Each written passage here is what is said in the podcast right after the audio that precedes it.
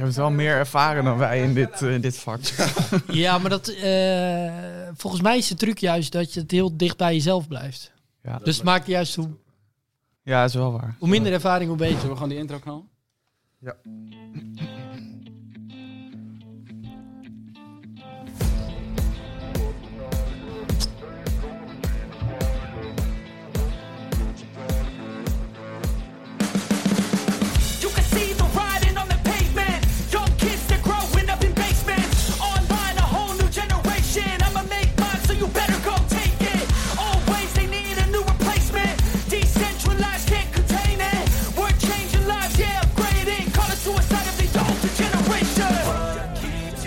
yeah Make all the demons yeah We were built to thrive, yeah. I think that we've all had enough. You up at night, yeah? Make all the demons yeah. We were built to Hij reed voor drie jaar voor Koga Cycling Team, twee jaar voor Park Hotel Valkenburg en won onder meer de Parel van de Veluwe, Groeistad Klassieker en de Ronde van Groningen. Maar nadat hij gestopt was met wielrennen, werd hij stiekem alleen maar succesvoller. Hij richtte Cycling Lab op, werd trainer bij Intermarché, bedacht de wielen-app Join en startte samen met Laurens ten Dam en Stefan Bolt de Beter Worden podcast. Inmiddels is dat de Nog Beter Worden podcast, heeft hij Cycling Lab verkocht en richt hij zich voornamelijk op Join. Vandaag is hij hier om te praten over beter worden als je junior of belofte bent. Hoe doe je dat? Welkom Jim van den Berg.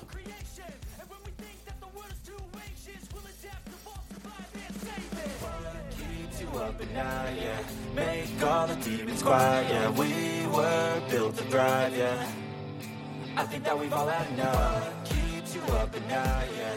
Make all the demons quiet, yeah. We were built to thrive, yeah. Had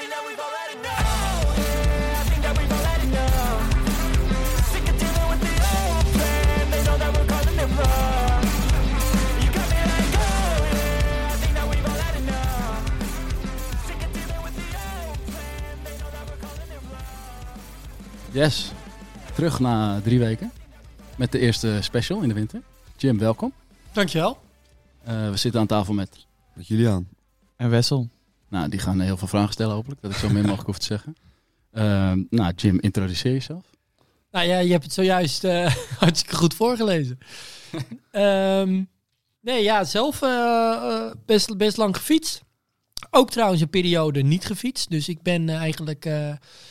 ik ben begonnen toen ik, even denken, mijn, mijn voetbalcarrière raakte een beetje in het slop toen ik eh 12, 13 was. En toen eh, ben ik eh, begonnen op de, de rode Colnago van mijn vader, die veel te groot was in de schuring. En toen ben ik eigenlijk eh, na mijn eerstejaars belofte, dacht ik, ik ga toch nooit prof worden. En toen ben ik gestopt. En toen heb ik drie jaar geen fiets aangeraakt. Toen ben ik pas daarna weer opnieuw begonnen. Dus daar kunnen we het straks ook nog wel over hebben. Ja, super interessant. Waar ben je daarna weer begonnen, na die drie jaar? Eh, bij Team Amsterdam. Of bij eh, ja, Ulysses is dat dan. Dat was een onderdeel van Team Amsterdam. Dat is eigenlijk wat nu eh, WPGA is. Beste Eh, ploeg van was- Nederland. Nou, ja, kijk. nou, het was echt, ik moet echt zeggen, waren gasten als Florian Smits en Pascal Aandewiel, best wel een beetje legends in het, in het Amsterdamse wielrennen. Ja. En ja, die hadden dat, dat, dat, dat organiseerden we helemaal zelf. Of tenminste, zij ook echt vooral. Veel studenten, veel jonge gasten, zoals jullie ook. En eh, daar heb ik wel echt weer het plezier eh, teruggekregen. Top. Eh, boys, eh, kennen jullie Jim? En waar kennen jullie hem van? Tuurlijk, ik ken Jim van, eh, nou, vooral van de Beter Worden podcast. Maar daarvoor ken ik jou van eh, het beruchte Cycling Lab. Oké. Berucht. ja. Het grote, fenomenale Cycling Lab. Ja, dat zit natuurlijk hier tegenover bij eh, waar we zitten bij Sloot. Daarvoor ken ik het. Ja, bij mij een beetje hetzelfde. Ik wist wel dat je ook had gefietst, maar eigenlijk niet echt precies eh, hoeveel en hoe lang en hoe hard. Maar ja, ja vooral van Cycling Lab, ja. En als eh, trainer van Dylan Groeneweg.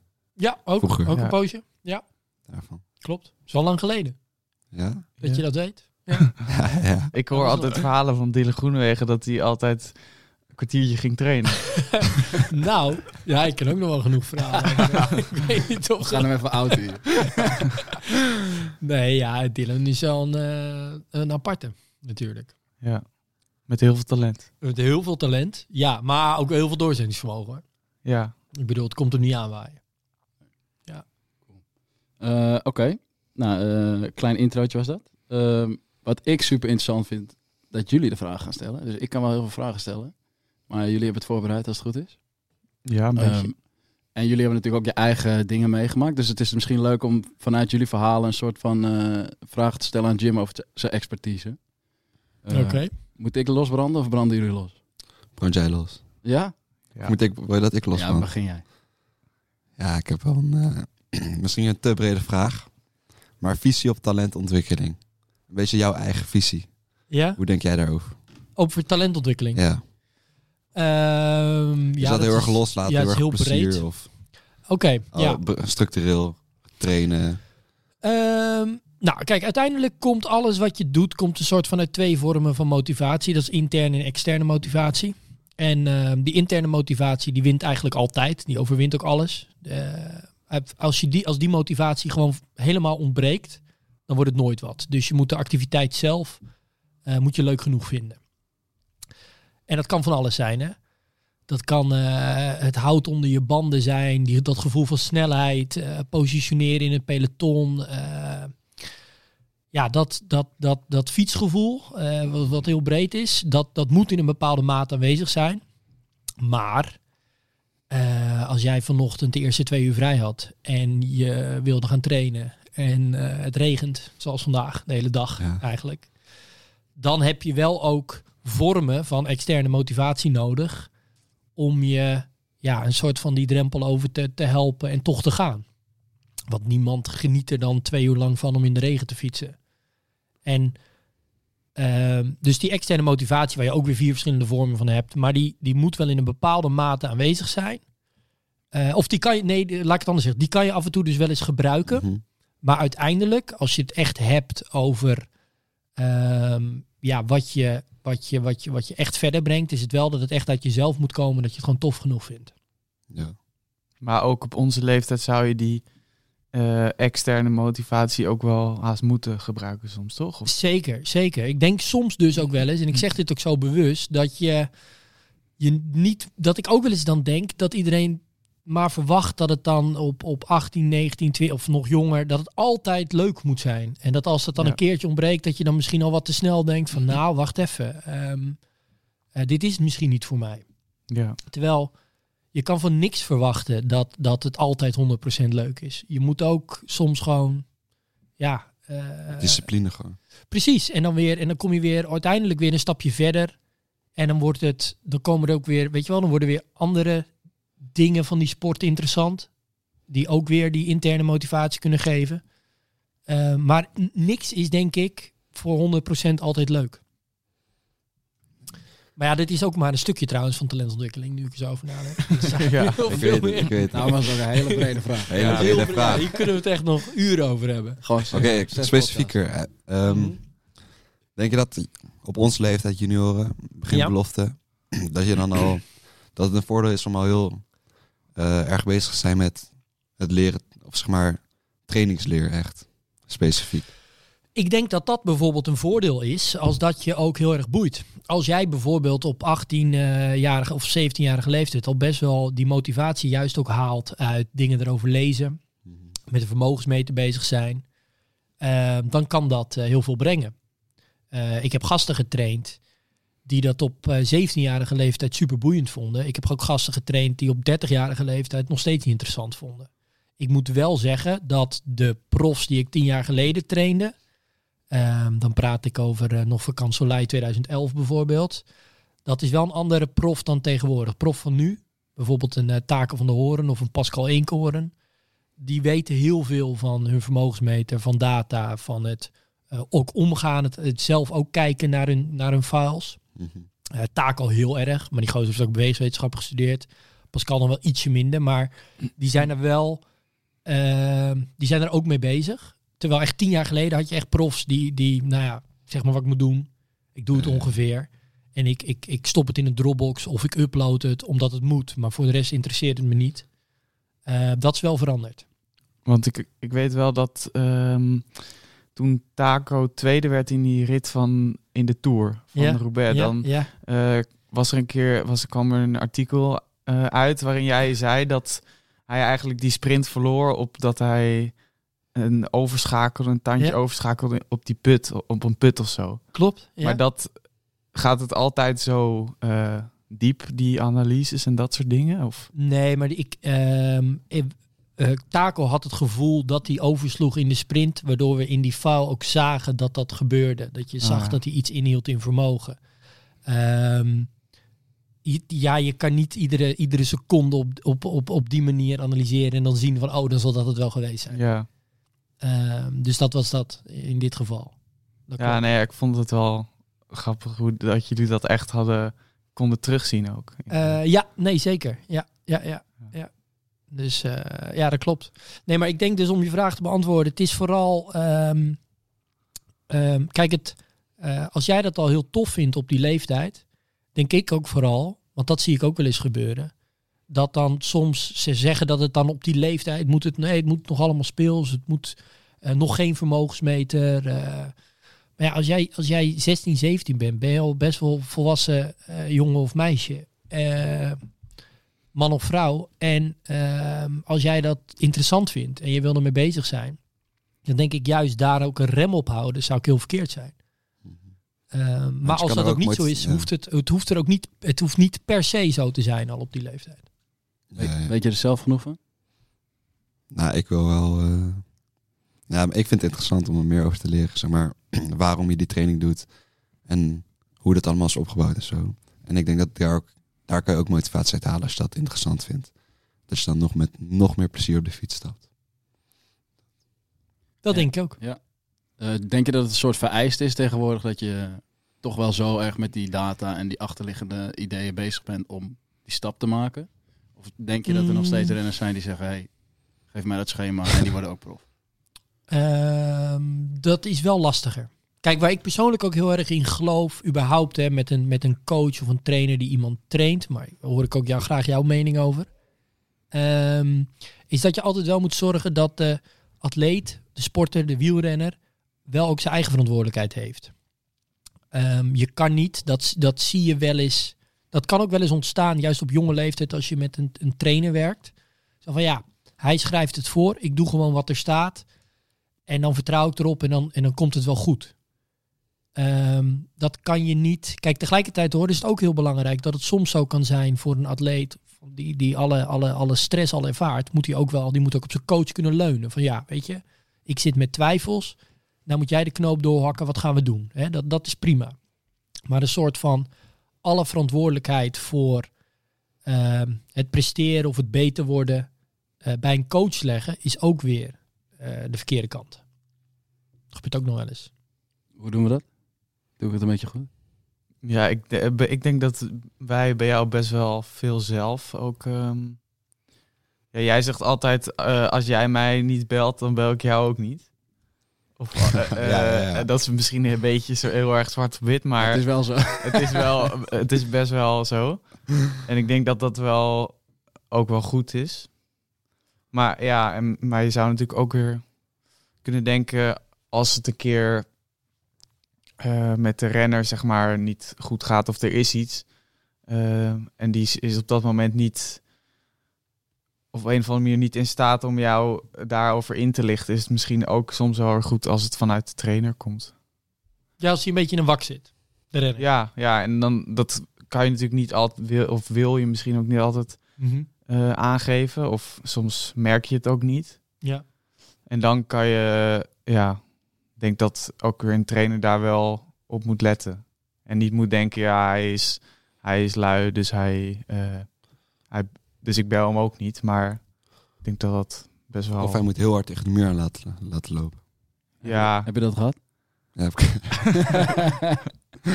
ik mocht het er mooi zelf uitzoeken toen. eh. Nou, zit wel een beetje nuance. Nee, dat is een grapje. Ja, vertel. Nou, het ging gewoon. eh, Ja, misschien voor Jim even duidelijk. Eh, begin van het seizoen ging gewoon echt heel slecht. Ik moest mijn VWO afronden. Ehm, ik had toen ook een vriendin die ook te veel van me eiste. Eh, waardoor ik gewoon overal nergens was met mijn hoofd. En geen rust, geen structuur. Training ging niet goed. Ehm, dus alles was in disbalans. En dan, eh, dan, dan, dan, dan zie je gewoon de put en dan weet je het ook allemaal niet meer. Ehm, En gelukkig zag hem, eh, ja, mijn ouders, ja, die zagen het ook wel een beetje. Maar die, ja, weet je, je bent, je bent een jonge kerel, je moet ook gewoon soms even zelf uitzoeken. En toen kwam ik uiteindelijk toch wel eh, naar Lucas en mijn andere trainer Martin. En toen, eh, dus in eerste instantie, ik weet niet hoe jij dat ziet. Wie de eerste stap zet om eh, Ah. het een beetje op te lossen. Ehm, wij merken natuurlijk heel snel, of tenminste, dat een goede coach merkt waarschijnlijk heel snel als het slecht gaat. En ik merkte wel dat het eigenlijk, je probeert dat soort van eh, alles in balans te hebben en alles, Mhm. dan wordt alles positief. En positief stapelt op positief, maar negatief stapelt ook op negatief. Ehm, en in jouw geval was dat heel extreem. Eh, en dan merk je dat je dingen vergeet bij de training en dan neem ik je even apart en dan vraag ik de juiste vragen, denk ik. En dan begin je te huilen en dan zo, zo proberen we het een beetje. Je probeert toch een beetje te prikken. ehm, en dan kom je uiteindelijk tot de essentie van het probleem. En de essentie van het probleem was dat je jezelf niet op nummer 1 zette. Ehm, en dat je een beetje geleefd werd en niet meer aan het leven was. Eh, en dat daardoor eigenlijk niet alleen fietsen niet goed ging, maar school niet goed ging. Je relaties thuis niet goed gingen. Eh, je zag je vrienden niet meer. Dus eigenlijk ging alles kut. Ja, Ehm, en je bent een puber, dus dan laat ik je even daarin zwemmen, zeg maar. Maar we trekken je er ook wel weer uit. Ja. Ehm, en dat doe ik niet alleen zelf. Dan vraag ik die andere jongens ook. eh, bel Julian even een keertje op. Of eh, ga een keer op bezoek bij Julian. En dan hebben we Jan van Schaik, die is er nu niet. dat is een beetje onze social boy. Die gaat dan Ja. altijd even iedereen bellen. Ehm, dus dan proberen we als team dat wel echt op te lossen, denk ik. Het heeft wel echt even geduurd. ja, Want je, je, je reikt wel een soort van je hand uit, maar je moet hem ook aannemen. nee, dat was het probleem ook. Inderdaad. Maar ja, uiteindelijk kwam wel het besefmoment het, eh, dat, het, eh, dat het anders moest. Wanneer was dat dan in het seizoen? Ja, midden, midden april. Gewoon begin april, zeg maar. Jij bent nog Nederlands kampioen geworden. Ja, dat- ja, ja. ja, het mooie was dat het wel eh, goed uitpakt op zich. Qua hele mooie ervaring. Toen dacht ik van ja.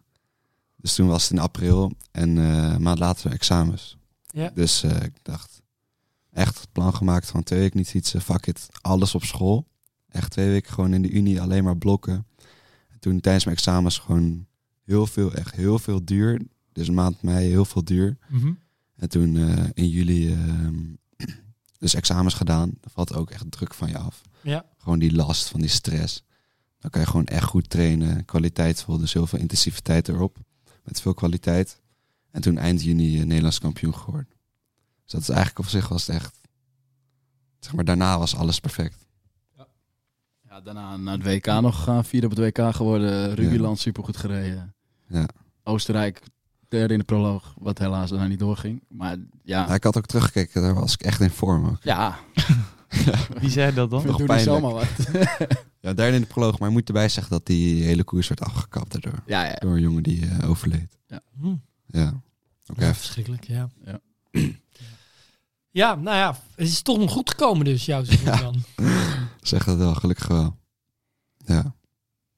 Maar eh, een, eh, misschien een random vraag, maar even terugkomen op net. Hoe, hoe vroeg denk jij dat je een beetje kan zien? Maar ik train. Het, de tendens is steeds meer dat steeds jongere gasten vragen mij om ze te trainen. Ja. Ehm, we hebben nu Cycling Class initiatief Huh? eh, van Jumbo-Visma, waar ze Ja. echt, vind ik, wel goed begeleid worden. Maar wat wel echt wel richting topsport gaat al. Mhm. Ehm, in hoeverre is dat goed voor die gasten? In hoeverre eh, moeten we daar misschien een rem op zetten? Is daar een soort lijn in? Ja. Is dat per persoon verschillend? Weet ik. veel. Nou, het, het grote probleem is denk ik, ehm, als er, als er eh, één grens niet gesteld kan worden, dan is die wel op basis van leeftijd. En dat is eigenlijk altijd waar we naar op zoek zijn. Hè? Ik bedoel, zo zijn alle jeugdcategorieën ingedeeld, onder 17, onder 19, onder 23. En eigenlijk één ding weet je zeker, dat op basis van leeftijd kan je dat soort onder, ja, helemaal niet maken. Ehm, kijk, als ik bijvoorbeeld, eh, zonder het al te particulier te willen maken, maar als ik naar mezelf kijk, ik ben begonnen in categorie 7, reed ik eigenlijk nog niet echt wedstrijden. Ben ik pas bij de nieuwelingen eh, echt begonnen met het rijden van wedstrijden. En dan werd ik bijvoorbeeld in de Tour de Junior. Eh, dat bestaat volgens mij niet eens. Bestaat nog Jawel, Jawel? Achterveld, ja. Ja, ja, in Achterveld. Ik heb de 100ste editie, nee de 60ste editie meegedaan. Oké. Dus het bestaat. Het bestaat Jim de Ja. 59 Nou ja, die... ik ben bang voor niet. anyway, ehm, En mijn vader heeft het trouwens ook ooit nog gereden. Oh, ja. die, die zal wel de tweede editie hebben meegenomen. Maakt, maakt even voor het verhaal niet uit. In ieder geval, ik werd echt, eh, ik werd als nieuweling, werd ik echt overal gelost. Maar ook echt Tour de Junior werd ik niet één keer gelost. Ik werd echt gewoon vier keer in een criterium van 30 kilometer gelost. Zo vaak werd ik gelost. Ik werd in die klimtijdritten, werd ik, had je een soort van, ja, 60 man die nog binnen een minuut van elkaar stonden. Dan twee minuten niks, dan kwam ik. Dat was echt Ja. nieuwelingen, eerste, tweede is ietsje beter, maar ook nationaal niveau was echt ja, een whole different ballgame. En ik weet ook nog goed dat ik bijvoorbeeld als tweedejaars nieuweling stond ik, eh, was de ronde van Overijssel. Was ik natuurlijk eh, net na een neutralisatie een kilometer of vier gelost. En, en Levi Heijmans, dat was een baanwielrenner. eh, hier ook uit de buurt komt De hij. Amstel ook. hè? De Amstel. goede nationale baanwielrenner. Veel WK's ook gereden, achtervolgingsploeg. In ieder geval, die stond bij de nieuwelingen, stond die naast me onder de douche. En ik had, nou ja, nog geen, nog geen haar. Een soort van ergens anders dan op mijn hoofd. en deze gozer, die had echt haar op plekken. Nou, ik had bij mijn vader nog ineens gezien, zoveel haar. Ehm, die jongen die was zoveel verder in zijn, in zijn, in zijn eh, ontwikkeling, in zijn lichamelijke ontwikkeling dan ik op dat moment. Dat was echt compleet verschillend. Maar toen ben ik van eh tweedejaars nieuweling naar eerstejaars junior, maakte ik best wel snel een groeispurt door. En ik woonde, ik, ik zat op wielenvereniging Eemland. Ik kwam uit Bunschoten, maar ik zat op school in Amersfoort. Dus ik reed altijd die 15 kilometer heen en weer. Maar dan ging ik ook nog eens die 15 kilometer heen en weer rijden. Dan snel mijn fiets pakken aan. Dan reed ik weer terug naar Amersfoort. Dan trainden we 150 kilometer.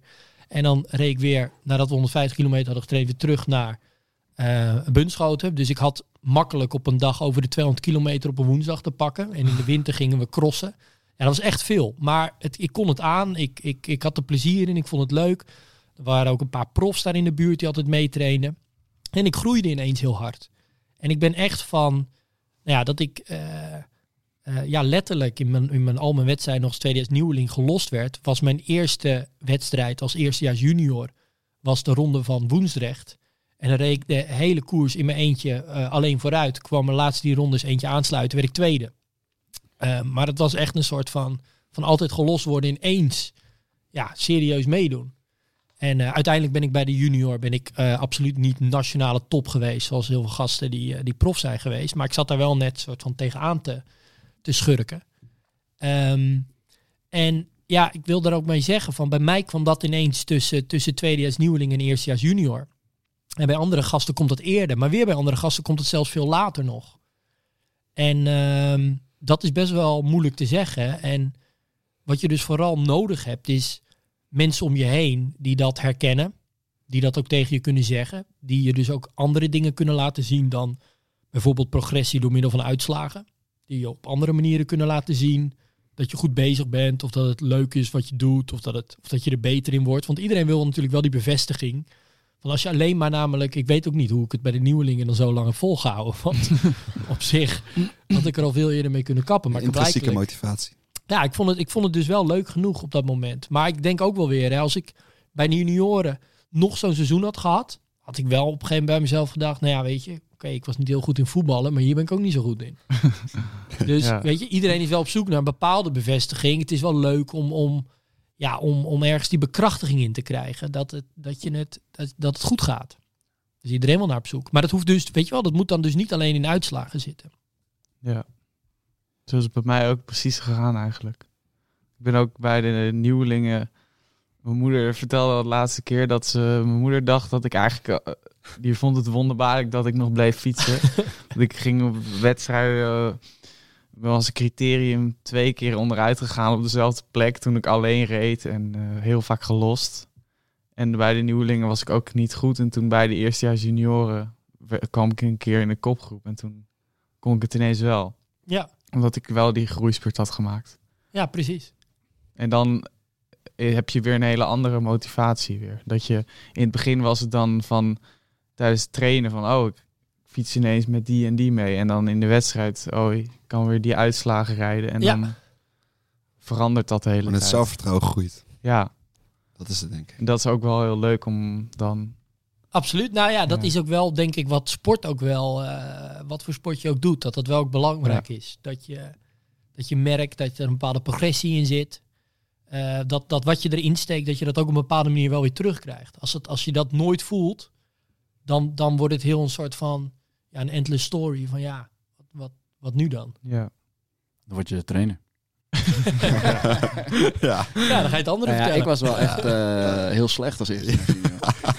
Ja, ik trainde gewoon. Ik vond trainen gewoon niet leuk. Ik vond wedstrijden Ja, dat is een heel stad, leuk. Nee, want dat heb je wel. Ja, Ja. dus als je dat niet hebt, dan ga je het ook niet halen. Ja. En ik wist ook heel snel Mhm. dat ik het niet ging halen. Eh, dus ging ik gewoon andere dingen doen. Ehm, ik denk dat ik nu ook harder fiets dan dat ik ooit gefietst heb. Wat nergens op slaat natuurlijk. Eh, maar alleen maar om die gasten een beetje te triggeren natuurlijk. Af en toe een sprintje winnen. Hè, toch Giel? Heb je wel eens gewonnen? Ik rij wel onderdoor. Ja. Jij niet. ja. Hij had net ruzie op de baan. Komt, komt wel weer in een andere podcast. Ehm, eh, in andere sporten zie je wel soms hele vroege specialisatie. Als je bijvoorbeeld over baanwielrennen hebt, de baansprinters Ja. specialiseren veel eerder. Ja. Eh, omdat ze echt eh, zeg maar power moeten hebben op een bepaalde leeftijd. Mhm, ja. Tenminste, ja. dat is het idee erachter. Ja, Ehm, ben ik het dus niet per se mee eens. Oké, dat was dus ook mijn vraag. hoe zit, hoezo zit het als je bijvoorbeeld Jerry's zoon, die zit op judo. Ja, En die zit dan, hoe oud is hij?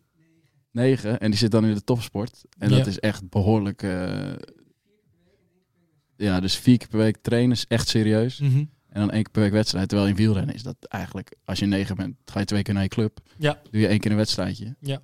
Dan zit je misschien vijf uur per week op de fiets of zo. Zes. ja.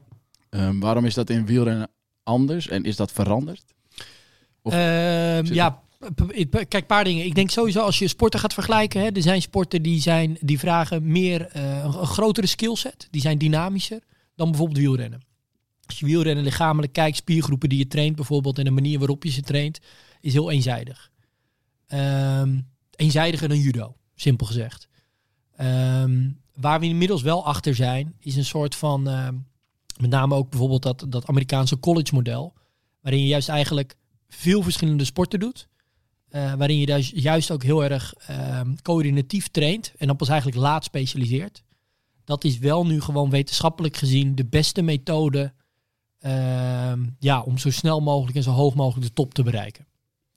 Ehm, ik denk dus ook dat we in heel veel sporten, ik denk ook zeker bijvoorbeeld in het baanwielrennen, ja, als je het dan gaat hebben bijvoorbeeld over power, nou ja, ehm, als we kijken naar eh, gasten als een Theo Bos, die moesten het niet van hun, van hun pure kracht hebben. Die hadden juist iets wat, wat, ja, met coördinatie, waardoor ze het verschil maakten. Hij was niet zo groot als de- zijn gemiddelde concurrent. Ehm, dus er zijn wel heel veel sporten waar we te snel, denk ik, kijken naar ja, power of kracht en daarin vroeg specialiseren. En eh, zeker ook als je nu naar bijvoorbeeld opleidingsmodel van, eh, van betaald voetbalorganisaties kijkt, is, zijn ze daar nu ook wel veel meer van doordrongen dat het wellicht wel zin heeft om juist heel erg ja, differentiaal leren, noem je dat ook. Dat je bijvoorbeeld ook die jonge voetballers heel veel laat tennissen, laat handballen, eh, maar ook tijdens de training heel veel verschillende andere activiteiten dan bijvoorbeeld alleen maar met de bal spelvormen te doen. Ehm, zodat ze eigenlijk ja, ze dynamischer eh, opleidt. En dat is wel, dat is de tendens waar het nu naartoe gaat. En, En het- maar wanneer is dat dan? eh, wanneer moet je daarmee stoppen? Of, ja, moet natuurlijk niet, maar wanneer? De switch. Nou, er zijn zelfs, er is een studie, die zou ik eens op moeten zoeken. Ehm, dat, daar gaat het om dat je in heel veel sporten zou kunnen zien dat laadspecialisatie van pas de laatste vier jaar eh, Olympische Spelen niveau dan eh, mogelijk is. Ja. Maar ja, gaat dat voor iedere sport op? En ik bedoel, kijk, niet voor... Kijk, sporten als, eh even heel simpel, voor wielrennen, baanwielrennen helemaal ook, wat echt een internationale sport is. Daar zijn die piramides wel veel hè, hoger, met een veel bredere basis dan, eh, nou, noem eens een sport zonder iemand voor het... Luistert toch alleen maar wielrenners hierna, toch? Tennis. En ze snappen er dan niks van. Nee, maar tennis is ook een heel, heel breed. Nou, hockey is, is niet heel breed. Is niet zo breed eh, en niet zo internationaal als eh, handbal ook. Handboogschieten. Ja. Helemaal. nee, ja. Dus daar kan je waarschijnlijk veel later specialiseren om nog de top te bereiken. Eh, ik denk hockey trouwens ook zeker. Ja. Eh, maar, ehm, ehm, dus ja, dat kan je niet zo één op één zeggen. Maar de tendens is wel... Kijk, vroeger had je een soort van de deliberate practice theorie. Dat was dat je sowieso 10.000 uur getraind moest hebben in een bepaalde sport om echt de top te bereiken. Nou, dat, dat soort onderzoeken, dat is allemaal eigenlijk onderuit gehaald. Ehm, tegenwoordig zien we dus veel meer dat het veel meer zin heeft om juist heel veel verschillende dingen te doen en dan laat specialiseren. Dus ik hoop wel bijvoorbeeld dat in dit judo voorbeeld, dat ze daar wel ook ja, niet, niet de hele dag in een judo pak alleen maar aan het judoën zijn, maar dus ook wel heel veel verschillende dingen doen. Misschien ook af en toe dingen doen met een bal bijvoorbeeld. Of eh, nou ja, heel dynamisch proberen te leren. Ik zie, ik zie een stemmend knikken, Ja. dus eh, het zal goed zitten. Hij fietst ook. Ja, ja, zijn zoon fietst ook met ons mee. Oké, nou ja, dat, Echt? dat, En dan, gaat dat hij, is dus... en dan gaat hij elke keer op zijn bek. ja, die valt.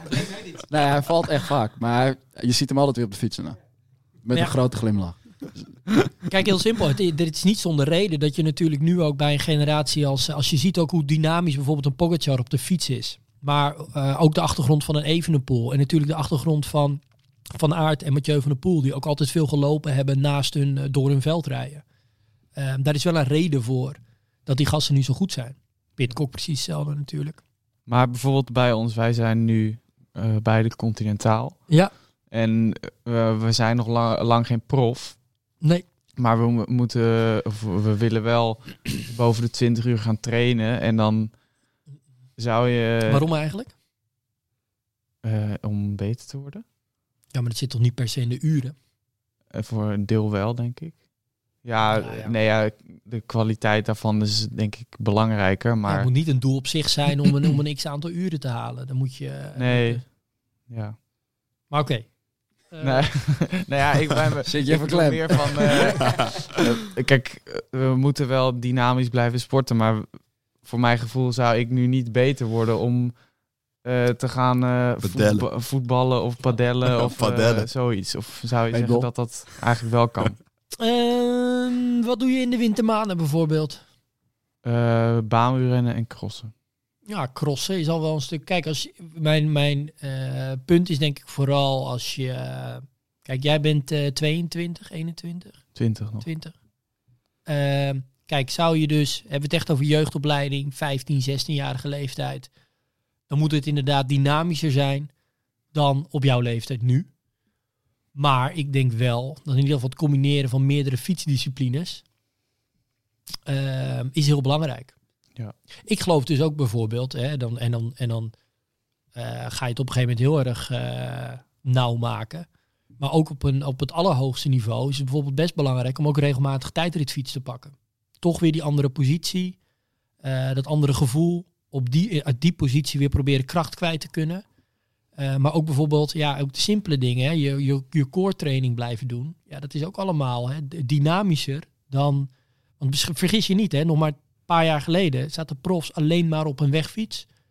Eh, nou, misschien dan geen twaalf maanden per jaar, maar toch wel gerust elf maanden per jaar. En dat, dat was het. Ja. En als die ene wegfiets een halve millimeter verkeerd stond afgesteld, dan was, dan was gelijk niks anders meer mogelijk. Zo, zo eenzijdig waren die lichamen getraind. En ehm, nu vinden we het, het steeds, eh, we vinden het steeds normaler dat eh, Wout van Aert af en toe eh, een stukje hard loopt. En eh Roglic ook. Toch? Ja. Dus dat is wel Hij bijzonder. doet toch ook gewichten gooien? Eh, ja, ik ga morgen beginnen. Maar Jim raad je ook aan om eh, te gaan hardlopen. Ben je fan daarvan? Ehm, ja, vind ik dus wel een hele lastige. Want ehm, op het punt waar, kijk, het punt namelijk van hardlopen is dat zeker bijvoorbeeld voor jullie, eigenlijk jullie hart-longsysteem, jullie algemene conditie, kan, daardoor kan je heel hard hard gaan lopen. En hardlopen is ontzettend blessuregevoelig.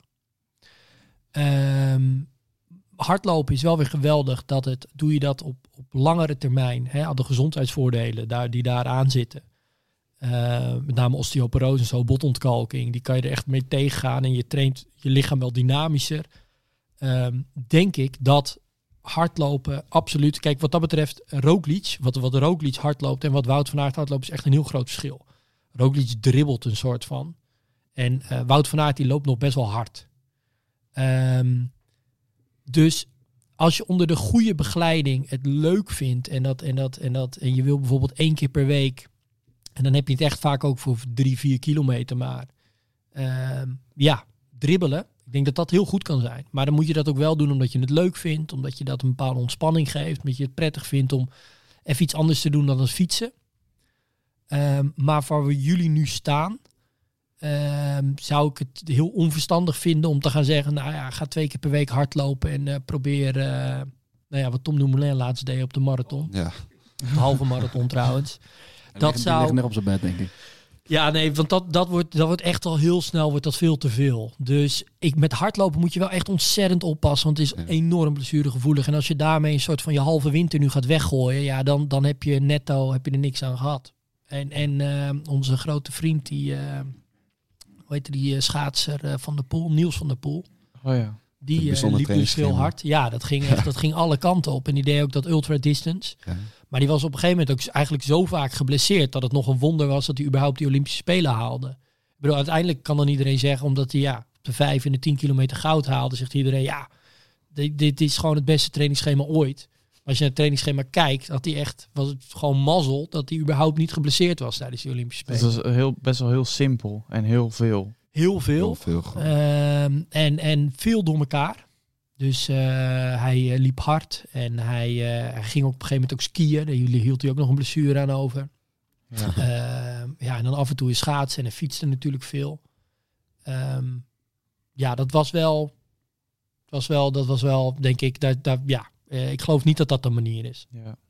Want hij deed ook heel veel qua schaatsen, bijna alleen maar dezelfde trainingen. Gewoon Klopt. alleen maar rondjes 30 rijden en Ja. rondjes 29. Ja, en dan ook in zijn eentje dus. Hè? Ja. Waar dus eh, veel anderen, dan, dan ga je net eigenlijk onder threshold zitten. Dat je, dat je wel die snelheid traint, maar dat je niet altijd op die intensiteit aan het, aan het kleunen bent. En hij ja, was gewoon zichzelf helemaal kapot aan het maken, ook op die intensiteit. Eh, in, een, in een koude hal eh, dertigers rijden. Ja, dat is, dat is vrij bizar. Maar hij had dus veel beter gekund. Ah, misschien wel, ja. Uiteindelijk ook wel bijzonder. Hè? Kijk, ehm, heeft de Olympische Spelen, heeft hij de 5 en de 10 kilometer gehaald. Hij is nog eens getest bij Jumbo, daarna niets meer van gehoord eigenlijk. Dus zouden we eens eh, bij, bij Jumbo moeten vragen. Hij is Ja. het leger in, toch? Ja, en, en daarom. Oh. Ja, hij is het leger in. En, eh, maar hij vond dus het schaatsen uiteindelijk en, en, en alles eromheen vond hij niet boeiend genoeg. Wel best wel korte carrière. Wel eh, Olympisch kampioen. Zeker. Vaak, twee keer? Of zo? Ja, 5 en de 10 is hij Olympisch kampioen Ja. geworden. Ja. Want zijn er ook dingen in de eh, ehm, bewegingswetenschappen die jullie wel hebben geleerd uit zijn eh, methode? Want dat was Ja. origineel zijn in dat eh, grote document stond van Mhm. ja, ik wil dit de wereld ingooien zodat mensen daarvan kunnen leren. Mm, ja, dan toch wel. Kijk, ik denk dus dat hij te veel deed, hè, uiteindelijk. Hij gooide zichzelf een soort van te hard tegen de muur. Kijk, wat sport is ook, is, is jezelf tegen de muur gooien. En dan eh, eh, ja, moet het lichaam herstellen en dan wordt het nog iets beter. Dat is dat hele supercompensatie gebeuren. Dus dat, maar hij deed dat wat mij betreft denk ik te gek. Alleen hij had dan het talent dat, hij, dat het net iedere keer net weer goed ging. Dus een soort van, ja, ik denk als iedereen ook het, de trainingsmethodiek van Mathieu van der Poel zou volgen, ja, dat is niet de trainingsmethodiek die werkt. Dat is, weet je wel, Mathieu van der Poel is de uitzondering op de regel. Eh, dat is zo extreem. Eh daar moet je eigenlijk niet te veel naar kijken. Maar wat hij wel heel goed deed, denk ik, is dat hij combineerde heel veel sporten. Wel te gek, hè? Ik denk als hij nou gewoon was gaan hardlopen in plaats van gelijk ultra distance, dan had dat meer beter gewerkt. Aan de andere kant, dat ultra distance gaf hem wel weer die motivatie om, om dan weer meer te schaatsen of weer meer andere sporten te doen. Dus dat, dat werkte wel goed. En wat hij heel goed deed, is dat hij, eh, hij nam heel erg verantwoordelijkheid voor zijn eigen presteren. Want er was echt geen coach daar in die Zweedse selectie die, die, dit een goed idee vond. Dus Ja. hij deed het echt op eigen houtje. Wat, wel, wat ook wel. Kijk, ik denk niet. Ik denk, geloof wel dat je naar mensen moet luisteren. Maar aan de andere kant, ja, wat ik net al zei, jij bent verantwoordelijk. Dus en als jij dat echt weet, ja, en jij voelt dat aan. En jij wil een keer ook tegen je coach ingaan, dan moet je dat wel doen. Want uiteindelijk voel jij, als het goed is, het best je lichaam aan. Ehm, en hij had dus een schema waarin hij vijf dagen achter elkaar trainen. En dan nam hij twee dagen rust. Want dan kon hij juist in het weekend kon hij ook eens met zijn vrienden gewoon leuke dingen doen of een biertje drinken op zaterdagavond. En eh, dat vond ik wel weer heel. Ja, dat is ook weer dat hij op zijn strepen stond. Maar ook wel weer heel slim. Van ja, weet je, je moet. De enige manier waarop arbeid werkt, is dat je ook wel die periode hebt waarin, eh, ja, waarin je die ontspanning hebt. En ontspanning is meer dan alleen op de bank liggen en die, die, die, die volgende eh, kut Netflix-serie aanzetten. Ontspanning is ook ja, met vrienden eh, leuke dingen doen.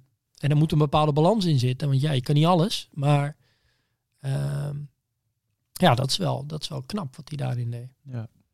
Moet je wel vrienden hebben natuurlijk. Ja. is dit een persoonlijke aanval? Nee, nee, nee. je kan hem opvatten je wil. Ehm, Ik heb hartstikke leuke vrienden. weet alleen nooit. Wat ook wel interessant is bij de jonge gasten. ehm, kijk, ik probeer alles zoveel mogelijk persoonlijk te doen. En per persoon verschilt het ook heel veel. Ik heb trouwens ook een jongen die gewoon 15 kilometer hard loopt. Eh, niet per se omdat het heel goed voor hem is. Maar meer omdat hij dan de rest eromheen gemotiveerd houdt. Eh, dus anders eh, zit hij niet meer dan 12 uur op de fiets. Nou, daar komt op een gegeven moment ook een ondergrens als je belofte bent. Eh, wel het grootste talent die er is ongeveer. Maar, Ja, eh, dus die 15 kilometer werkt dan af en toe wel. In hoeverre moet je compenseren? Hoe, in hoeverre moet je die lol en zeg maar dat focussen op die watta in die zones trainen, op die wattages trainen? Hoe is die balans? Want ik denk sowieso dat die balans heel anders is bij profs dan bij eh, jonge gasten. Of is die Ja. balans niet anders? En hoe hou je dat? Jawel, die balans, die balans is anders en die balans verandert. Kijk, du, du moment dat je de hypotheek, oh, dat je de hypotheek ervan gaat betalen, verandert het. Of je nou wil of niet. Ja. En ehm, dat ervaart ook niet per se iedereen als een, als, een, als een positief iets. Ik bedoel, daar ben je dan jarenlang naar op zoek geweest. En dan verandert dat. En dan ineens eigenlijk doe je niet per se meer omdat je het zo tof vindt. Ehm, dus dat verandert. Maar uiteindelijk, kijk, wordt bijvoorbeeld in voetbal wordt er wel eens snel gezegd dat er dat over bepaalde voetballers dat ze bijvoorbeeld eh, dat ze lui zijn of eh, nou met name nu spelers in het eerste van Ajax bijvoorbeeld of dat eh, allemaal lui. nou ja dat ze, maar het is godsonmogelijk dat een speler in het eerste van Ajax komt Ja. met een met een lui karakter dat is een soort van dan heb je er zoveel achter je gelaten in die in die Ja.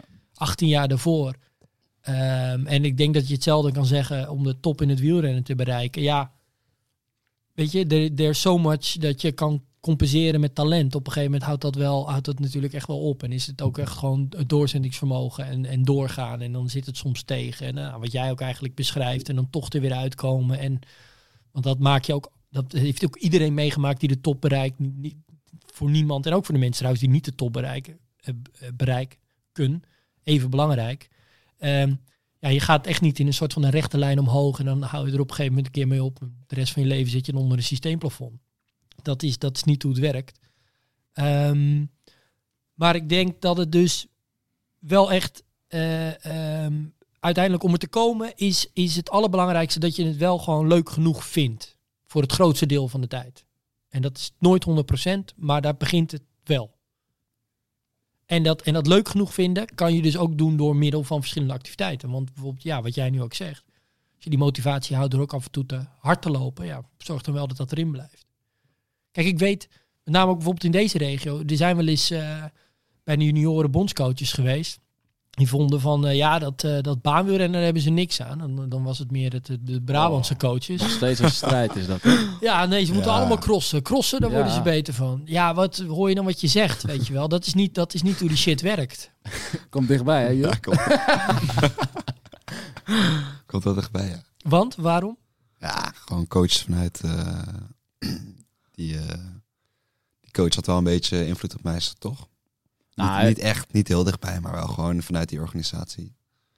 Eh, namen? Nee, ja, ik weet niet of het handig is. Eh, aardig fan, stuk aardig, aardig fan, nee, aardig dat hoeft er niet uit. Nee, kijk, Jules voelde zich op een gegeven moment niet zo serieus genomen. En ehm, toen hebben we op een gegeven moment de keuze gemaakt om toch naar het WK-baan te gaan.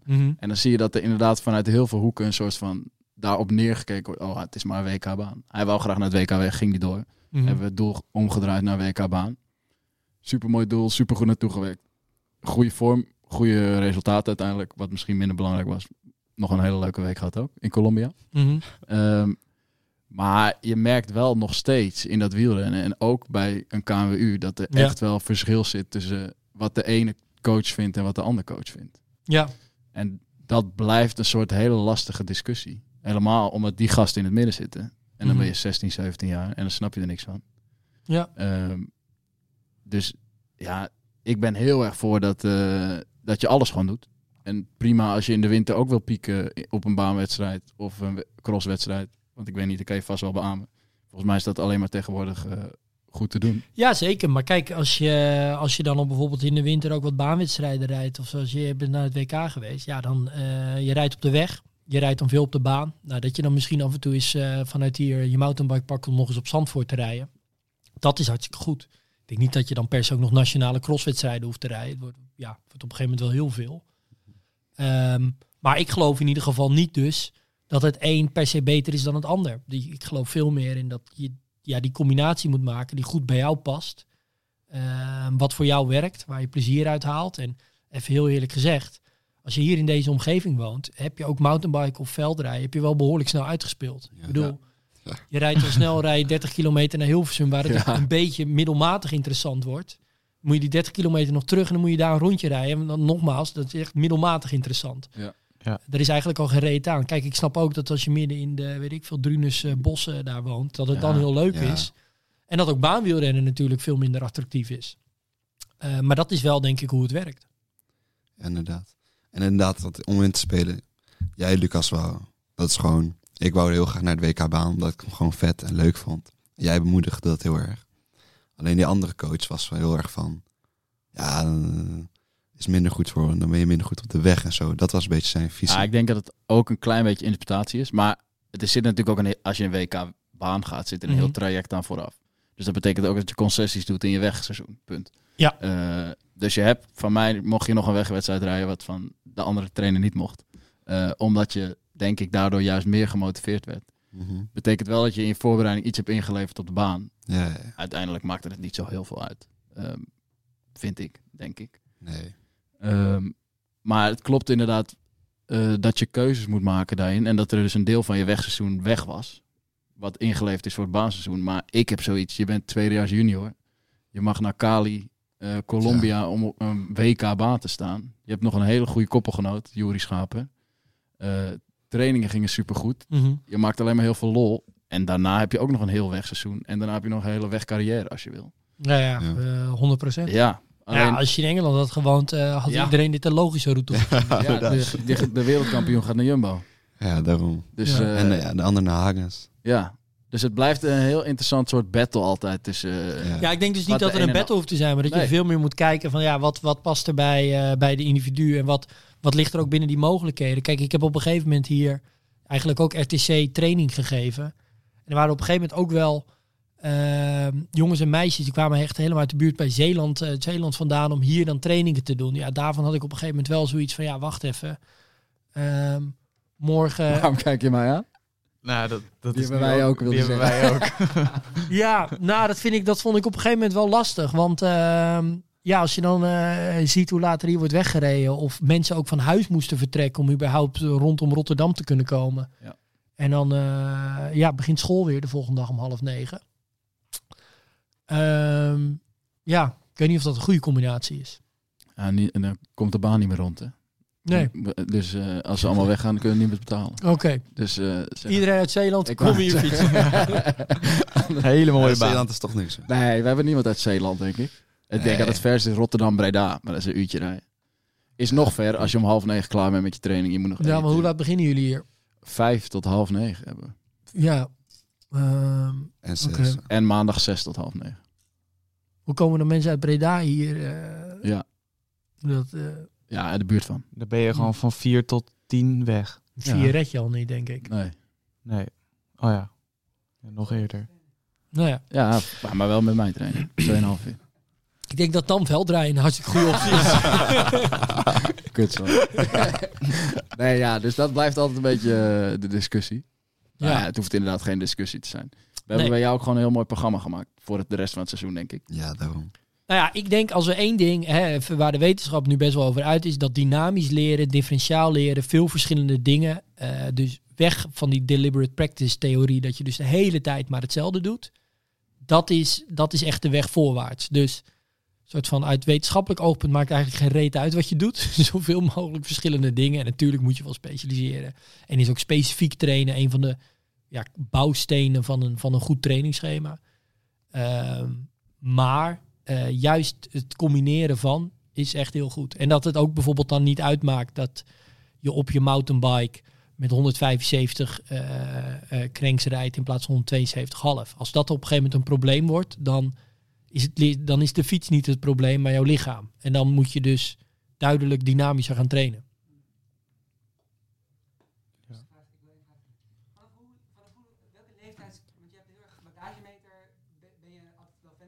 Ja, ja, zeker. Maar, maar voor die jongens... Pak ja. even een microfoon. Ja, dat nou. De vraag, hoe moeten we de vraag even herhalen? Ja, het is altijd hetzelfde met Jerry. Eh, die heeft nooit een microfoon, maar lult altijd mee.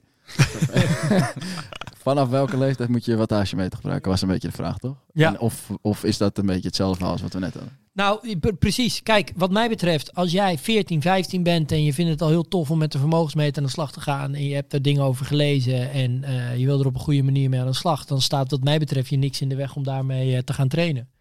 Ehm, en het is ook niet zo, eh, nou, dat zeg ik wel. Kijk, wil je uiteindelijk wel Kijk, dus dat is maar je kan hem ook omdraaien. Is er ook een leeftijd waarop je wel echt met een vermogensmeter wil trainen? Nou, als jij in Nederland als junior eh, ja, nationale koersen rijdt, dan ben je dus 17, 18, hè, onder 19 categorie.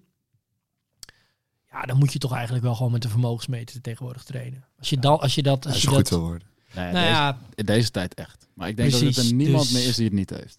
Zelfs op de baan hebben ze nee, maar ik zit te denken van, is het echt is het een noodzakelijkheid? Ja. En heel eerlijk gezegd, ja, als je het, want als je dat dus niet interessant genoeg vindt of niet leuk genoeg vindt, ja, dan denk ik, waarom zou je dan bij van spreken de auto volgooien en koersen gaan rijden in Limburg? Ehm, ja, dit is, dat is toch wel zo'n wezenlijk onderdeel van de sport. Dat je ook ziet wat je doet en dat je terug kan zien wat je doet. En dus dan, dan kan je beter gewoon regionaal op, op, en op sloten lekker je koers gaan rijden. Maar Ook leuk. dat moet je ook leuk namelijk. Ook leuk. Ehm, maar dat Jerry? is het wel. Ja, Jerry wil, we moeten Jerry altijd meenemen naar de kopgroep. Oké. Maar hij zit nooit in het wiel. Eh, ehm, is er ook een soort, eh, kan het ook een soort doorslaan? Dat je die wattages te serieus gaat nemen? ja. Nou, en wat, en wat vooral... eh, nou, dat je dus naar de verkeerde dingen gaat kijken. Hè? Dus dan wordt er zo'n vermogensmeter gemonteerd... en dan probeert iemand zijn gemiddelde vermogen... of zijn normalized power een rit op rit te verbeteren. Ja, Ja. dat, is, dat is niet hoe dat, hoe dat ding Een werkt. heel zwaar jaar. Ja, dan wordt het heel zwaar jaar, ja. Dus ehm, nee, daarom zeg ik wel, van, ja, het heeft wel zin om... Ja, je moet er dan wel iets over lezen of eens even opzoeken of eens eh, ja, eh, met Join aan de slag gaan bijvoorbeeld. Of nou ja, nog een stap verder dan met een coach gaan werken. Ja, op zich denk ik ook wel weer, ja, als jij op nationaal niveau eh, je koersen wil rijden, ja, dan ga je wel met een Join of met een coach ga je wel aan de slag. Want je wil wel, denk ik toch, eh, dan wil het maximale eruit halen. Als dat je allemaal niet boeit, ook even goede vrienden. Maar dan fiets je wel op een ander niveau. Nou ja, dan is het logisch dat je op een ander niveau fietst. Ja, ik weet wel wat hij gaat aanwijzen. Ehm, voor eh, die jongens van zeg maar 15, 16, 17, 18. Ja. eh, werkt dat join dan ook heel goed? Of moet er meer soort van nuance in? Moet er meer informatie? Ehm, nee, niet per se. Kijk, wat, wat goed werkt aan Join, kijk, dat moeten we wel ehm, van elkaar scheiden. Kijk, ik ben bijvoorbeeld, eh, ik ben ook nog coach, trainer van, van een paar profs. En, ehm, maar ik bedenk ook wat er in Join zit. En Join is een tool die juist je het makkelijk laat combineren. Als je denkt op het laatste moment, hey, ik, heb vandaag toch tijd om een uurtje te trainen. Maar ik heb geen idee wat ik moet doen. Of ik wil aankomende zaterdag wil ik gewoon met mijn fietsmaten rijden we hetzelfde rondje over de dijk en dan gaan we elkaar eraf rijden. En dan wil ik gewoon dat na afloop mijn trainingsschema daar rekening mee houdt. Ehm, daar is Join voor gemaakt. En dus op die manier geeft het je een, een, eh, een structuur en een, en, een, en een rode draad wat je het best kan volgen naar, ja, naar wat voor doel je ook hebt.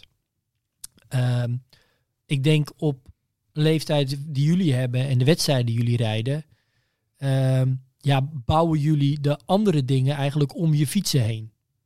En dat is natuurlijk wel echt een ander uitgangspunt.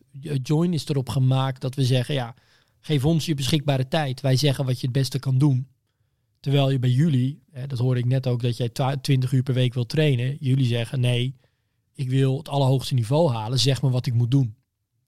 En daarom kan dan ook Join hartstikke goed werken. Juist een soort van nog op een speelse manier eh, verschillende type trainingen ontdekken, met de vermogensmeter leren trainen.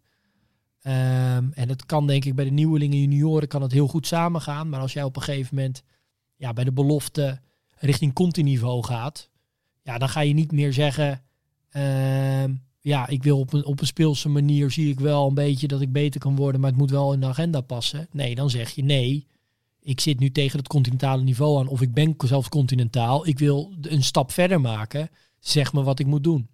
Dus dat is, en, da, en dan, ga je, dan kom je bij een coach, dan kom je bij jou terecht. En, en daar komt veel meer bij kijken. En dan ga je ook de wedstrijden na afloop samen analyseren. Wat voor fouten heb ik gemaakt? Wat, wat moet er anders straks in mijn voorbereiding? Eh, ga ik wel lekker met mijn voeding? Eh, dat, dat soort coaching doet Join ook allemaal niet. Dus dat is wel een belangrijk verschil. Dus zoals wij zeggen, voor, meer voor de dikbuikwielrenners.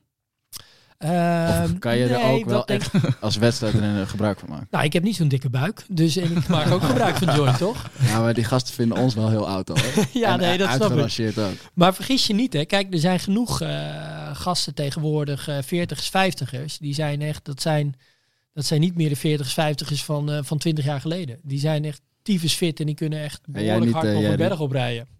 Nee, maar die zijn, die zijn er wel.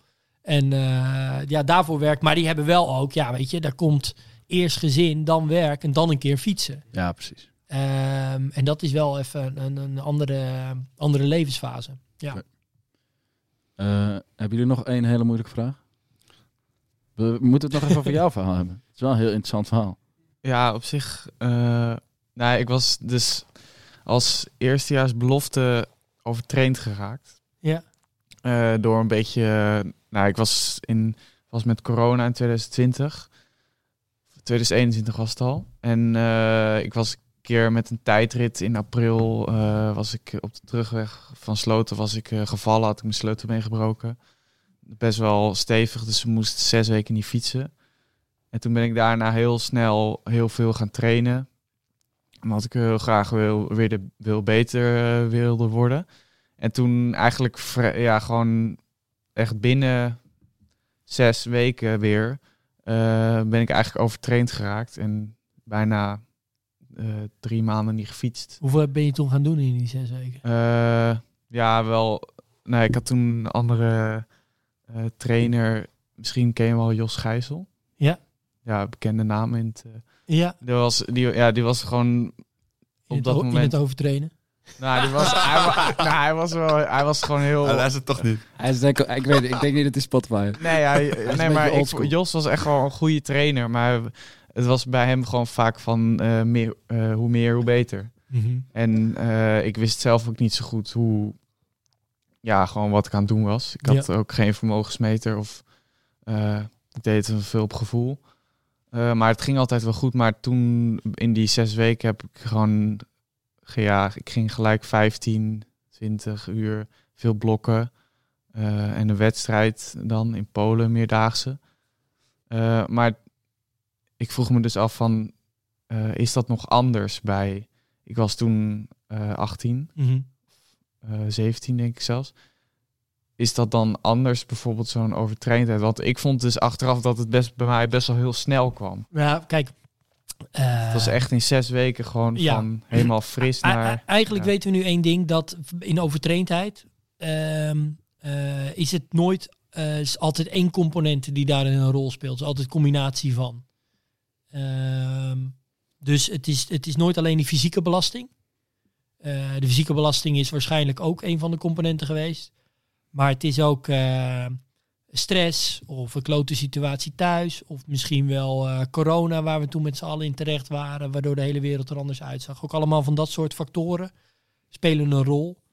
En ja, eigenlijk eh, waar het in de werksfeer al snel burn-out heet bijvoorbeeld. ehm, is overtraindheid wat dat betreft niet, wezenlijk niet veel anders.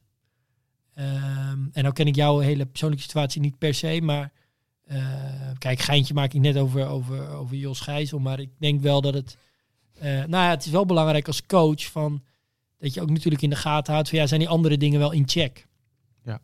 En, en ik denk dat dat bij jou niet het geval was. En dan kan je in een situatie terechtkomen dat gewoon allemaal te veel is.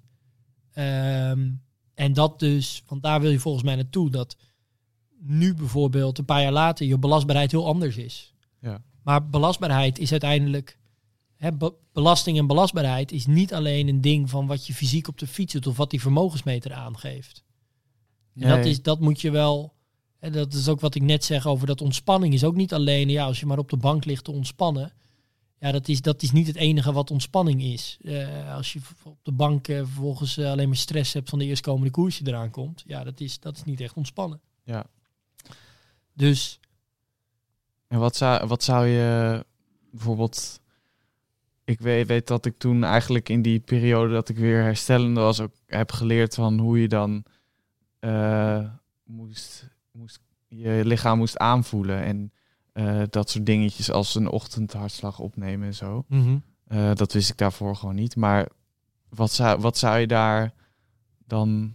Wat zijn de makkelijke dingen die je kan doen op onze leeftijd... als je misschien nog niet Een oera-ring. Eh super veel... Want je, ja, ik zag het bij jou al zitten. Ja. want je hebt Eh. misschien niet superveel ervaring. Of als je 16 bent, weet je nog niet alles van je lichaam. Maar wat voor wat soort dingen zou je dan kunnen checken of zo? Ja, het allerbelangrijkste, hè, dit klinkt heel suf, maar kijk, ik, ik ben, ik, ik, waar, ik, waar ik moeite mee heb, juist op jonge leeftijd, is als je al heel erg met HRV, met hartslagvariabiliteit en met een woep en een oude ring aan de slag bent. Je bent alweer een paar jaar ouder, hè, dus fijn. Mhm. Maar als je alleen maar, als je je app je 's ochtends vertelt hoe je je voelt, dan zijn we niet lekker bezig. Want je moet denk ik juist als topsporter een, een lichaamsbesef opbouwen, dat jij aanvoelt hoe je jezelf voelt. Ja. Ehm, dat betekent natuurlijk ook wel weer dat ja, als je met een goede mindset en ook iemand om je heen die een beetje met je meekijkt en daardoor ge- ge- gebruik je zo'n tool en ga je dat op een bepaalde manier interpreteren, ja, dan kan het ook wel weer extra informatie geven. Maar een soort van compleet gaan varen op zo'n op een, op een app die je dan gaat vertellen hoe hersteld je bent, ja, dat zou niet zo moeten zijn. Je zou het zelf, zou je ja, de, de, de psychosomatische feedback eigenlijk, de informatie die jouw lichaam jou geeft, aan moeten voelen. Van ja, ik, ik, ehm, eh, eh, ja, ik, ik, weet je wel, ik, ik herstel voldoende. Ehm, of, of ik ben totaal niet hersteld en daardoor sla ik eens een training over. Of doe ik eens wat meer. Want doordat je dat aanvoelt, kan je ook de verantwoordelijkheid nemen in de keuzes die je ook maakt in, in training. Ehm allerbelangrijkste wel, even de hele simpele dingen, is eigenlijk altijd eh, ja, toch wel weer motivatie, zin in trainen. Die kan een keer wat minder zijn om allerlei omstandigheden. Maar als op een gegeven moment de zon schijnt, hè, je kan eigenlijk niet echt zo best wel redenen aanwijzen waarom je eigenlijk niet zoveel zin in hebt. Want het is prachtig weer, je hebt een leuke fietsrit op programma, je fietsmaten willen allemaal op de fiets stappen en jij hebt geen zin. Ja, check dan wel eens bij jezelf in van waarom, waarom heb ik dit dan? Waarom, waarom is dat? Ehm, andere dingen die je natuurlijk wel kan zien is, ja, wat heel belangrijk is, dat RPE, dat Rate of Perceived Exertion, dat als je iets als de hele tijd als heel zwaar ervaart, of als je juist voelt dat je eigenlijk niet echt diep kan gaan, ja, dan ben je waarschijnlijk ook gewoon niet, dan ben je niet voldoende hersteld.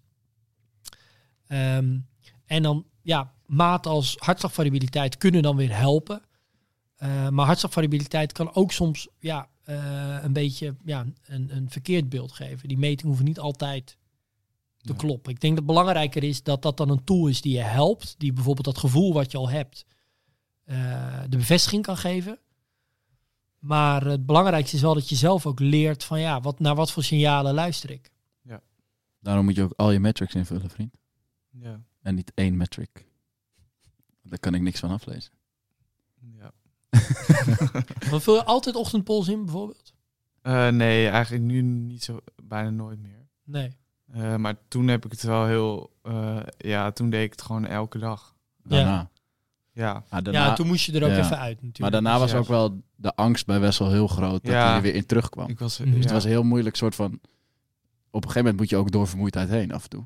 En dat was wel een hele moeilijke periode, denk Ja. ik. Want toen elke keer dacht hij weer, nou, zit ik, nou kom ik er weer in. En nou ga ik weer overtraind raken. En Ja. overtraind raken, als je het goed monitort. Ik zeg altijd tegen die gasten, als je overtraind raakt bij mij, dan ga ik een andere baan zoeken. Want dan ben ik gewoon heel slecht bezig. Dan ben ik niet meer aan het coachen, maar dan... Ik weet niet wat ik dan aan het doen ben. Eh, dus bij deze. Over die eh whoops. We waren in de Tour of Turkey, was ik vorige week, twee weken geleden. Met de baanselectie moesten we eh, koersen. Eh, en de tweede dag kwamen ze, s ochtends werden ze wakker. Ja, maar HRV is... Ik zeg, boys, jullie zitten in koers. Mhm. Wat maakt het nou uit wat je HRV is? Je moet vandaag gewoon weer naar de kloten. Je moet gewoon weer die koers uitrijden. In dit geval uitrijden. Eh, en niet vooraan rijden. Ehm, dus soms wordt het ook wel echt blind gestaard op dat soort dingen. Nee, ja, klopt. Ja, eh, ik heb in koers gezeten met gasten die me vanaf buienraden gingen vertellen wat voor weer het was. In plaats van het fucking gordijn open doen. Ja. dat is wel een beetje hetzelfde. Ja, je, je, het, is, het is wel even andersom natuurlijk. Ja. En, eh, en het, zijn, het zijn prachtige tools hoor. Want zeker wat we, alles wat we hebben geleerd op het gebied van HRV. Ja. Kijk, wat dat betreft, ochtendpols was eigenlijk de maat voordat we HRV hadden. En HRV is echt een wetenschappelijk goed bewezen methode om eh, ja, eigenlijk het, de balans tussen het parasympathische en het sympathische zenuwstelsel te zien. Dus het zenuwstelsel dat zorgt voor rust en het zenuwstelsel dat zorgt voor activiteit. En dat moet in balans zijn. Als, dat, als ze een soort van eigenlijk allebei aanstaan, eh, dan ja, is die HRV eh, veel te laag. Dan gaat het geen kant op. Je wil dat die variabiliteit hoog is. Dat de ritme tussen hartslagen, ik hoop dat ik het snel goed een beetje duidelijk uitleg, Nou, zoek het Dat- dat die variabiliteit ja, alle, alle kanten op gaat. Dat de systemen elkaar niet te rigide in evenwicht houden. Ehm hoge variabiliteit is goed. En, en, en daar hebben we heel van geleerd. En, en de manier waarop je dat, want een WOEP ook, hè, die moet eerst meer data verzamelen om iets zinnigs voor, voor jou te kunnen zeggen. En dat doet een oude ring bijvoorbeeld ook. En die metingen die zijn steeds beter geworden. En de momenten waarop bijvoorbeeld die WOEP dat dan meet, ook op momenten tijdens je slaap bijvoorbeeld. Ja, dat zijn wat dat betreft best mooie tools. Die eh, een sporter heel erg kunnen helpen. Alleen, ehm, ja, je moet wel oppassen dat je, dat je daarmee te veel verantwoordelijkheid op een gegeven moment eh, in, in zo'n app hebt zitten. Ik denk dat dat wel eh, een gevaar kan zijn. En niet op vastbinden. Nee, nee. En dat je, ja, dat er ook altijd wel, er moeten fases zijn in ontwikkeling, weet je wel. Als je, als je, al, als je al begint op, op een hele jonge leeftijd met alle tools tot je beschikking, waar gaat op een gegeven moment de ruimte voor progressie zijn? Het moet langzamerhand moeten al die puzzelstukjes bij elkaar komen. Maar als je al begint met die enorme bak vol puzzelstukjes, ja, dan, dan, dan leg je heel snel een vrij lelijke eh, puzzel waarschijnlijk. Maar ehm, ja, dat is niet de beste methode. Het is wel een klein beetje een tendens tegenwoordig. Dat, Dat ze, dat ze alles... Oké, hij heeft, hij heeft zo'n ring, dan moet ik ook een ring. Ja, Eh, hij heeft die wattagemeter, oh dan moet ik dat ook. Hij heeft eh, dat, dan moet ik dat ook eh, Mhm. opmeten. Terwijl het idee daarachter wordt vaak niet echt begrepen. ja. Dus zeker een goede tip, denk ik. Ga er eerst mee over nadenken en dan pas mee aan de slag. ja ik, en ik denk ook, hè, kijk, ehm, er, is, er is wel nog steeds op nationaal niveau is er bijvoorbeeld een verzetrestrictie. Ja. Maar ik geloof veel meer van eh, dat je juist bijvoorbeeld zonder tijdritmateriaal eh, wel veel tijdritten op gewone fietsen zou moeten organiseren. Om bijvoorbeeld pacing te leren. Gewoon pacingstrategieën te leren. Ehm, dat, dat er niet veel meer ingezet wordt op dat soort dingen. Dat hoe belangrijk het is om je, om, ja, om, om je krachten goed te verdelen. Dat kan je hartstikke goed leren, juist ook zonder tijdritfiets. En da- Ja. daar kan dan ook iedereen mee doen, zonder dat je meteen eh, moet investeren in tijdritmateriaal. Bijvoorbeeld dat soort dingen, dat mis ik wel een beetje. Mooi. Gelukkig werkt jouw wattagemeter niet op je tijdensfiets. Jawel, nu wel. Ah, oké. Eh, maar ik doe het wel altijd op gevoel. Kijk, lekker. hoor. Het is, is wel... Denk je dat dat... eh, ja. Nee, maar kijk man. je in de tijdrit geen enkel moment op je vermogensmeter? Nou, sinds kort... Ik check heel soms. Ja, Eh, precies. Maar... ehm, nou ja, ik heb niet het idee... Ja, ik check wel, maar ehm, het is niet dat ik het dan heel erg verander of zo. Want op een of andere manier hou ik dat gevoel wel aan. Want als ik... eh, zeg maar een tijdrit van 20 kilometer heb en na 10 Ja. kilometer denk ik van shit, ik, ik eh, zit er best wel echt wel doorheen en ik trap vermogens die lager zijn dan ik had gehoopt, dan ga ik niet ineens hoger trappen of zo. Nee, dan ga je wat eh, bijsturen. Eh, Dan ga je wat lager trappen, bedoel je. Ja, maar ook al zou ik al lager hebben aan het trappen zijn. Dus Mhm.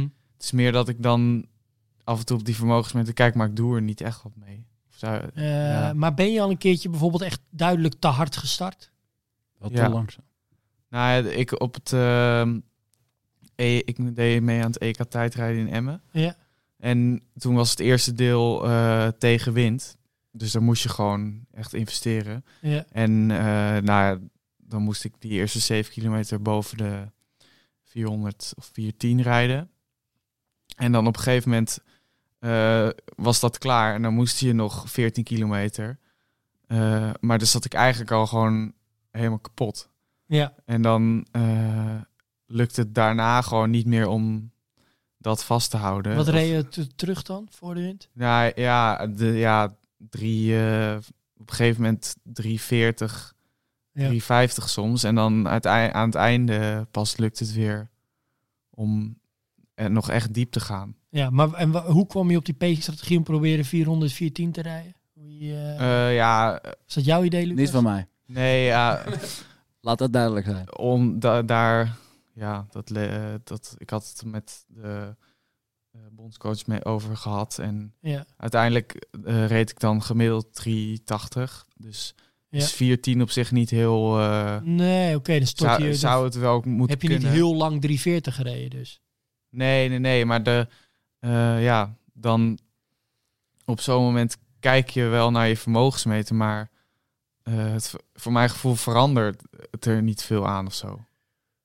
Nou, ja, ik, ik, heb juist het idee vaag, dat het maar- voorbeeld wat je, wat je geeft, is dat je, want zeker nu ook, wat je nu weer geleerd hebt, de volgende keer dat je zo, kijk, ik denk dat het hartstikke goede pacing was om voor de of tegenwind eh, hoger te gaan, te gaan rijden. Maar nu rij je op die 380 dan bijvoorbeeld gemiddeld. Denk ik dat je de volgende keer gaat proberen meer eh, te, ja, tussen de 390 en 400 te houden. En te kijken hoe dat dan gaat. En misschien dan nog ergens tegenwind nog een keertje te versnellen als het echt goed voelt. Maar ga je denk ik niet meer weg op 400, 410. En ga je dan ook daarmee proberen dat je niet terugvalt op, op 340. Maar dat je dan in ieder geval, ja, dat je terugvalt voor de wind. Dat is dan het plan. Maar dat je dan terugvalt naar hopelijk nou, 370. Waardoor je misschien met 385 over de finish komt. Ja. Dus volgens mij geef jij juist het voorbeeld hoe erg een vermogensmeter je kan helpen in, eh, ja, in wat je doet op dat moment, maar ook weer wat je ervan kan leren. Ja. Ehm, dus ja, dat, dat, is, dat is trouwens ook een, een, een enorm eh, voordeel wat een vermogensmeter met tijdrijden natuurlijk wel biedt. Ja. Nee, maar ook achteraf heb ik er wel van gehad, maar ik had dan het idee van tijdens, ik merkte dat ik terugviel. Ehm, maar daar, eh, ja, je, daar ging, ik kon Ja, daar je- niet echt op antwoorden. Nee, Dus dan- je, kon niet, je kon niet harder omdat je vermogensmeter Nee. eh, lager aangaf. Nee. Nee, dus dan eh, werkt het voor mij juist weer dat ik dacht, ja shit, ik rij 340 en ik heb het nog steeds zo zwaar. Maar de conclusie is toch gewoon het pacingplan niet goed, hoor. Ja, misschien dat ook wel, ja. Maar, En dat je, Nou ja, dat je hoeveel, dat- kijk, ja, maar hoeveel, kijk, hoeveel van dat soort tijdritten had je al gereden? Kijk, ik denk Ja, ook daar, daar moet je. ehm, ik bedoel, de, de, de manier om nog tot een goed training pacingplan te komen is ook eerst eh, een aantal hele slechte eh, eh, dan wel uitgevoerd. Ik bedoel, dat maakt het pacingplan niet slecht, maar het moet echt wel een paar keer echt wel goed mislukken. Wil je een keer een goede tijdrit kunnen rijden? Dat, dat, Ja. Ik denk dat de voorbereiding daar niet goed genoeg voor was. Was Ja. te kort en een beetje eh, chaotisch. Ja. Eh, Oké, laten we hem eh, een beetje afronden. Ik denk dat we nog 20 podcasts kunnen vullen. Ehm, ik heb nog één vraag. Ik oh jeetje, ja. Een korte. Jij bent natuurlijk ook zelf Conti geweest. En ja, misschien heb je hier geen antwoord. Maar ik, ik vroeg me af, je hebt denk ik wel echt wel met een aantal renners gereden die nu prof zijn. En wat, wat ondersche om, ehm, hen van de, re- de rest op die leeftijd? Ehm, ja, goeie. Wat deden zij, wat, eh, wat de rest niet deed? Jim was eigenlijk beter, denk ik. Eh, nou, kijk, laat ik eh, eerst dit zeggen. Kijk, ik ben dus. eh, hoeveel tijd heb je nog? Ja, 15 minuten gaat het alarm af. Ik, ik, ik ben dus een poosje gestopt geweest. En ik ben eigenlijk, toen was ik alweer belofte af, ben ik weer opnieuw begonnen. Dus ik heb tijdens mijn studententijd eigenlijk niet gefietst. En toen ik weer opnieuw begon, toen ben ik vrij snel van clubniveau, ik heb maar één jaar eigenlijk clubniveau gereden. En toen ben ik gelijk eh, continentaal geworden. Ehm, en ik ben, toen ik continentaal was, had ik nooit meer een soort van de, toen was ik ook eigenlijk al aan het afstuderen bewegingswetenschappen. Maar toen had ik niet meer de droom van ik ga prof worden. Eh, dat was een soort van, dat, ja, die had ik toen ik, toen ik junior was of eerstejaars belofte. En die, ja, die zorgde er ook eigenlijk voor dat ik toen stopte. Dus dat, eh, weet je wel, dat is niet goed. Had ik duidelijk niet de juiste mensen om me heen die zeiden van ja, maar je vindt toch hartstikke leuk, doe nou even normaal. Dat je nu niet meteen, ehm, ja, bij, toen heette dat dan Team 3 kon aansluiten, waar ik toen heel erg op hoopte, maar wat soort van op het laatste moment niet doorging. Toen dacht ik, ja, dan kap ik er helemaal maar mee. Ehm, maar in ieder geval, dat ehm, wat je op dat niveau denk ik wel echt merkt, is ja, uiteindelijk had ik ook bijvoorbeeld een leeftijd. Ja, dan moet je wel heel goed zijn. Zoals bijvoorbeeld een Bart Lemme die nu bij Jumbo eh, rijdt. Ja, dat kan wel. Maar ook bijvoorbeeld Taken van de Horen. Ehm, ja, dan moet, je, dan moet je echt wel echt dingen laten zien die, ehm, die ja, eh, zoals bijvoorbeeld eh, bij Taco weet ik ook nog goed. Die reed toen op een gegeven moment in 1.1 koers, reed die podium. Nou ja, bij Bart Lemme hebben we dat ook gezien op het Nederlands kampioenschap. Dat hij echt toen nog als renner voor Volkers Wessels reed, geloof ik. Ja. Dat hij echt, eh, wat werd hij toen, vierde of zo? Nou, dit jaar werd hij vierde. Vorig Ja, jaar die al. Vijfde of zesde. Zoiets, hè? Dat hij echt als enige conti-renner daar overbleef. En ehm, ja, uiteindelijk is het wel in met name dan de 1.1 wedstrijden. Dus eh, dat je in koersen als eh, Volta Limburg en een Ronde van Drenthe en ook nationaal kampioenschap bij de profs. Ja, dat je daar laat zien dat je dat niveau aan kan. En dat je eigenlijk bevestigt op, op eh, punt 2 en, en nationaal niveau. En eh, nou ja, als we kijken dan bijvoorbeeld naar eh, een gast als Dylan Groenewegen. Ja, zijn eerste jaar nog net niet bij de Rijken was dat toen nog. Maar zijn tweede jaar begon hij eigenlijk meteen punt 2 koersen te winnen. Misschien als eerste jaar eigenlijk al wel. Ik ben hem toen als tweede, tweede jaar toen namelijk gaan trainen. En daarna bij Roompot ben ik hem gaan trainen. Ehm, en ja, dat, dat hebben er niet heel veel gasten die gelijk dan al zo goed zijn. Ehm, maar ja, het is ook wel weer, ik zit er nu, nu er hard op over nadenk, de tijden veranderen ook wel weer. Het is nu echt wel weer anders dan bijvoorbeeld toen Dylan eh prof Ja. werd. Het is, eh, het- vroeger werd je eigenlijk, kijk, jij wordt nu nationaal, als nationaal kampioen, ga jij naar Metec. Dat is niet zo lang geleden, was het echt ondenkbaar. Eh, dan ging je naar Rabobank, heel misschien naar SEG. Eh, andere optie was er niet. En je ziet nu dat Jumbo zich met hun development team echt op eh, veel internationale richt. Ja. Dus dat is echt enorm veranderd. DSM eigenlijk ook wel. Ehm, dus de, ja.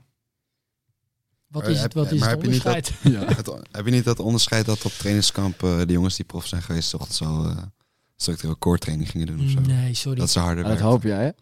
Met je core training. Nee, dat is oude man. Voorbeeld. Nee, maar laat je daar ook...